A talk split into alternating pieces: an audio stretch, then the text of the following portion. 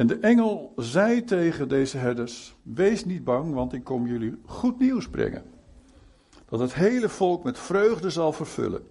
Vandaag is in de stad van David jullie redder geboren. Hij is de Messias, de Heer. En dan komt mijn tekst van vanmorgen, vers 12. Dit zal voor jullie het teken zijn. Jullie zullen een pasgeboren kind vinden dat in een doek gewikkeld in een voederbak ligt, in een kribbe ligt. Een verhaal over een baby. Hebben we nog een baby in de zaal? Zijn er nog baby's in de zaal? Mag ik er eentje lenen? Oh, hier is ook al een babytje in de zaal. Oh, wat een lief klein babytje. Oh, jongens. Er zijn niet veel verhalen over baby's in de Bijbel. Heb je wel eens opgezocht hoeveel verhalen er over baby's gaan in de Bijbel? Niet zo heel veel. Ik heb er eigenlijk maar vier gevonden. Eén baby werd uh, gevonden in een rieten mandje, biezen mandje in de Nijl. En die baby die heette? Jezus. Bijna, Mozes. Dat is één verhaal van een baby. En er was nog een verhaal in de Bijbel van een, van een baby. Dat, ging, uh, dat was in de tijd van Salomo. Toen uh, twee moeders vochten om één baby. Allebei zeiden ze: Die baby is voor mij. Nou, Salomo die moest daar toen een heel wijs, uh, wijze oplossing aanreiken. Dat zal ik vanmorgen niet over hebben. En dan de derde baby die ik tegenkwam in de Bijbel, dat was Johannes de Doper. En Johannes de Doper was nog in de buik van zijn moeder, in de moederschoot, wordt het in de Bijbel genoemd. En hij was de wegbereider voor die ene baby die zou komen.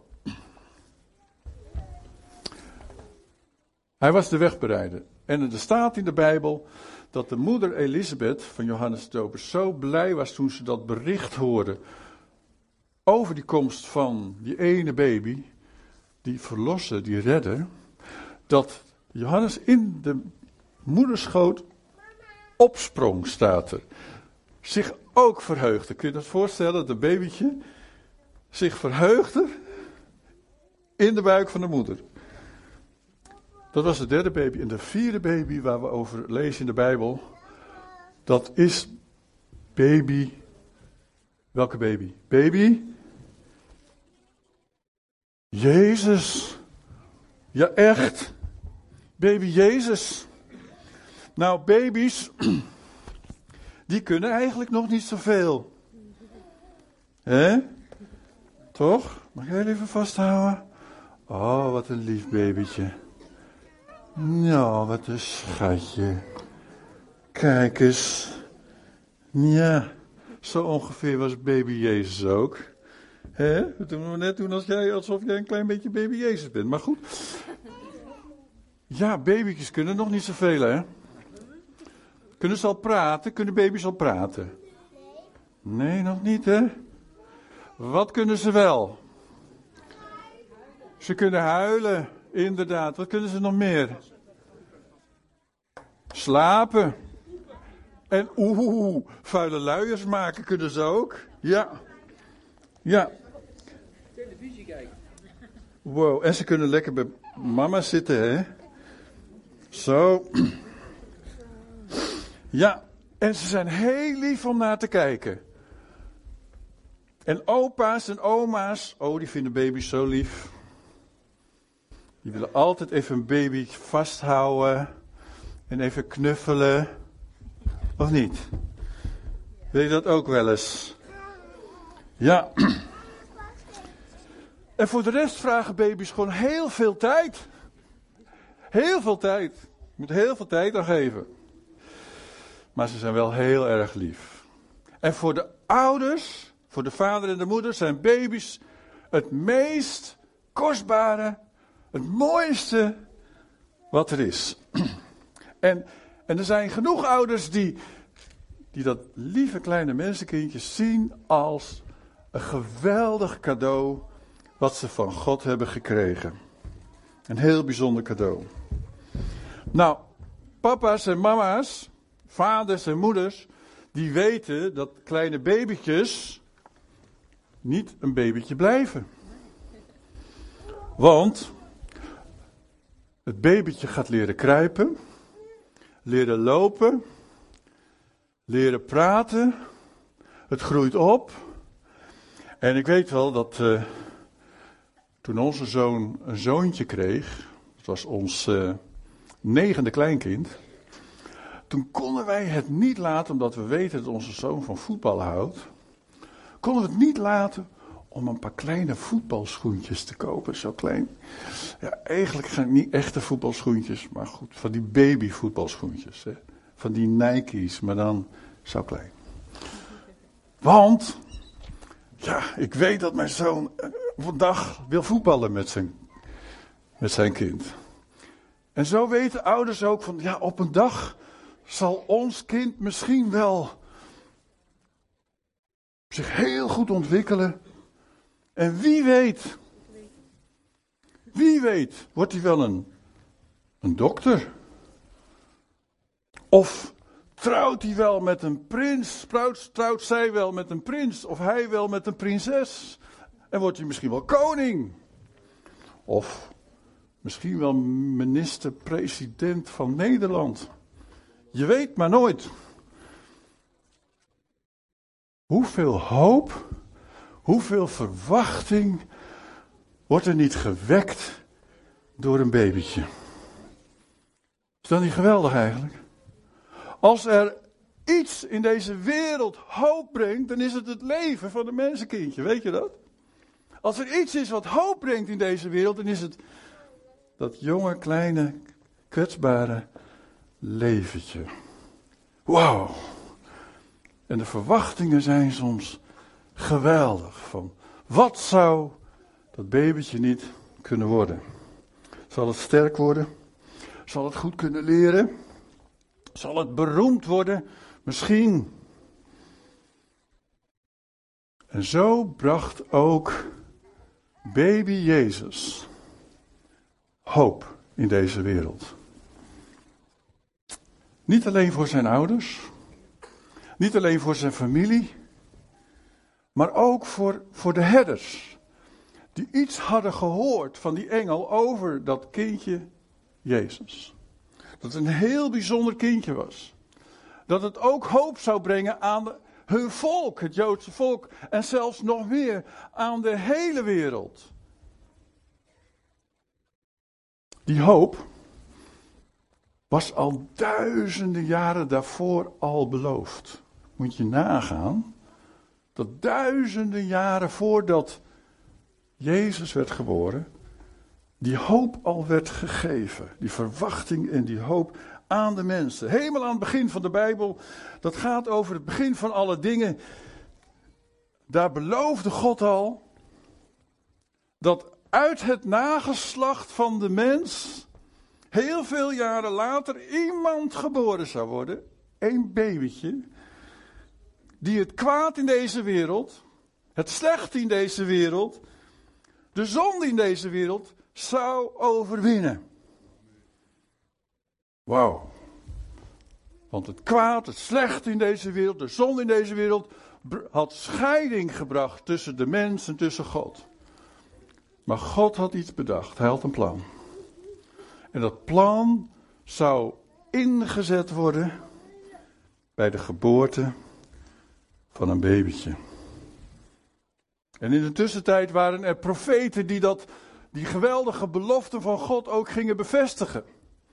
Een van die profeten heet Jesaja. En Jesaja leefde ongeveer 750 jaar voordat baby Jezus werd geboren. En toen zei hij, Jesaja, 750 jaar daarvoor, Jesaja 7 vers 14. Daarom zal de Heer, zal God, zelf u een teken geven. De jonge vrouw is zwanger.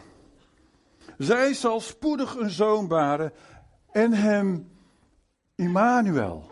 En dat betekent God met ons noemen. Het werd bevestigd in die tussentijd door profeten. En later zegt die profeten nog over in hoofdstuk 53, vers 2 van Jesaja. Als een lood schoot hij op onder Gods ogen. Als een wortel die uitloopt in dorre grond. Onopvallend was zijn uiterlijk. Hij miste iedere schoonheid. Zijn aanblik kon ons niet bekoren. Dat is een lastig vers, maar eigenlijk zegt dit vers dat, dat het geen supermens, geen held was die naar deze wereld toe kwam. Maar gewoon een mensenkindje. God die mens werd en heel zwak, heel klein naar deze wereld kwam in een babytje. Hij die de redder van de wereld zou worden. Die de wereld zou redden van het kwaad. Die de wereld zou redden van de duisternis, van alles wat wij om ons heen zien, al het verkeerde. Nee, niet als een geweldige oorlogsheld, maar als een babytje, geboren in de buik van een moeder, zoals wij allemaal zo geboren zijn. Die als kind ook een gewoon leven zou leiden. Nou, de herders waren eigenlijk helemaal niet verbaasd dat zij naar Bethlehem moesten komen om een baby te zoeken. Want dat wisten ze, want ze waren Joodse mensen, ze kenden de profetieën, ze kenden de Bijbel, ze kenden al die beloften en ze wisten dus wat ze moesten verwachten. En wat ze verwachten was de hoop voor deze wereld. De Messias. Nou, was er in die tijd hopeloosheid? Ja. Want er was een overheerser. Een Romeinse overheersing, een onderdrukker. Er was een plaatselijke heerser, die heette Herodes. En die had gehoord dat er een, een, een babytje geboren zou worden die koning zou worden. Koning over de Joden, koning over deze hele wereld. Niet een aardse koning, maar een geestelijke koning. Over de harten van mensen. En hij was daar bang van dat die koning zijn plaats zou innemen. Dus hij liet alle jongetjes die geboren, pas geboren waren, liet hij ombrengen. Vreselijk. En wat wij nu vandaag aan de dag zien, zoveel mensen die op de vlucht zijn, gebeurde daar ook. Jozef en Maria met het kindje Jezus, pas geboren, gingen dus ook op de vlucht voor deze Herodes. En ze gingen naar Egypte. Niet naar Europa, maar naar Egypte. Dus daar hebben ze enkele jaren doorgebracht totdat, totdat het weer een beetje veilig was. Jezus was dus ook een vluchteling als babytje. Jozef en Maria waren ook vluchtelingen. Maar hij was ook de hoop. Hoe kun je nou hoop ontvangen in je leven? Hoe kun je nou hoop ontvangen in deze wereld, wat eigenlijk af en toe zo hopeloos is? En misschien jouw eigen situatie die zo hopeloos lijkt en is. Dat kun je alleen maar ontvangen in je leven door geloof in je hart. Door geloof in je hart. Het is eigenlijk dwaas dat God bedacht heeft om deze wereld te redden door middel van een babytje. Ik had het anders bedacht, als ik het mocht bedenken. Maar God bedacht om iets heel zwaks in deze wereld neer te leggen. Wat later, en wie later de machtigste zou worden in deze wereld. Jezus. Om het kwaad van deze wereld uit de wereld te helpen. Iets wat zo kwetsbaar was. En eigenlijk zo machteloos. En hoe machteloos kwetsbaar lijkt een kind soms. Maar hoe machtig, hoe sterk kan een kind worden als hij opgroeit? Denk, eh, als we denken aan onze minister-president, hoe moet zijn moeder niet voelen hè, over hem? We moeten bidden voor de regering, want ze gaan door hele lastige dingen heen. En niet alles gaat goed. Maar hoe zou zijn moeder voelen? Van, had ze toen gedacht, toen het zo'n klein babytje was, dat hij ooit één keer minister-president van Nederland zou worden? Ik denk het niet. Maar ze had wel verwachtingen en wel hoop.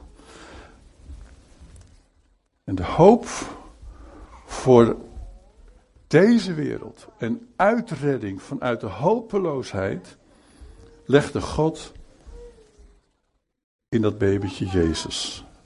Waar God onder ons kwam wonen. Het was geen gewone baby. Het was God zelf. En hoe kun je nou die hoop je eigen maken? Alleen maar door, door het babytje vast te houden. Mag ik nog een keertje? Ah. Oh, wat een lievertje. Kom maar bij opa, hè? Door het babytje vast te houden. Oh, zo kun je hoop je eigen maken. Omarm het. En nog meer, niet alleen omarm het letterlijk, daar moet je mee beginnen, maar omarm het ook met je hart. Sluit het in in je hart. En, en daar gaat kerstfeest over. Want op kerstfeest, daar vraagt God om onze ogen te richten op, op het kindje Jezus. Op de kribbe. En dan vraagt God eigenlijk op kerstfeest om dat kindje Jezus te omarmen en in te sluiten in onze harten. Dat vraagt God. God had een idee om onze harten te winnen voor Hem. Niet door te komen als een machtige generaal naar deze wereld, om eventjes al het slechte te overwinnen. Maar hij kwam als een babytje, om onze harten te winnen. En daar begint de hoop voor jouw leven, voor mijn leven. En dat is ook hetgene wat God bedacht heeft voor alle mensen, ook jij die vanmorgen hier bent. En daarom zei Jesaja ook dat prachtige mooie vers in Jesaja 9 vers 5. Een kind is ons geboren. Een zoon is ons gegeven. De heerschappij rust op zijn schouders. En deze namen zal hij dragen. Wonderbare raadsman. Wie heeft raad van God nodig in zijn leven? Oh, Jezus is de wonderbare raadsman. De goddelijke held. Wow, als een babytje, ja, ja, ja. Hij werd de goddelijke held. Hij versloeg het kwaad. Hij versloeg de boze. Eeuwige Vader, omdat hij één is met de Vader. Vredevorst. We gaan bidden. En we gaan God danken voor de hoop die Hij ons heeft gegeven in Jezus Christus. Amen. Is er hoop? Yes, er is hoop. En als je die hoop nog niet kent in jouw leven, dan zou ik zeggen, omarm het vanmorgen. Neem het in de armen. Sluit het in in je hart. Jezus, die naar deze wereld gekomen is. Hij heeft op een gegeven moment de boze verslagen aan het kruis op Golgotha zodat jij en ik die vrije toegang tot onze hemelse Vader kunnen hebben.